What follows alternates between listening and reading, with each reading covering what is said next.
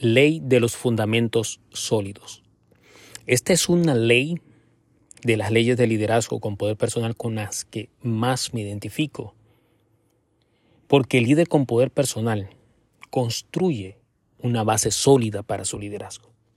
No puede haber liderazgo sin una base sólida. La estructura, la organización fortalece la capacidad del líder para influir.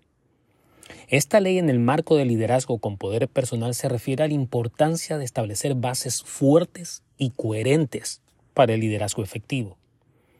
Los líderes que siguen esta ley comprenden que el éxito a largo plazo se construye sobre cimientos estables y bien estructurados. Esto implica cultivar habilidades, valores y actitudes sólidas que respaldan su liderazgo así como mantener una ética y un compromiso consistente. Al centrarse en desarrollar una base sólida, estos líderes pueden superar desafíos y adaptarse a los cambios con mayor agilidad. La ley de los fundamentos sólidos implica la voluntad de aprender de experiencias pasadas y aplicar ese conocimiento para tomar decisiones informadas en el presente. Los líderes con poder personal buscan el autoconocimiento y la mejora continua reconociendo sus debilidades y fortalezas.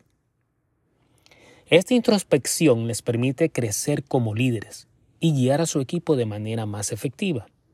Al mantener un enfoque en el desarrollo personal y profesional constante, los líderes que siguen esta ley construyen una base resistente que refuerza su propio liderazgo e influye positivamente en la cultura y el éxito general de la organización.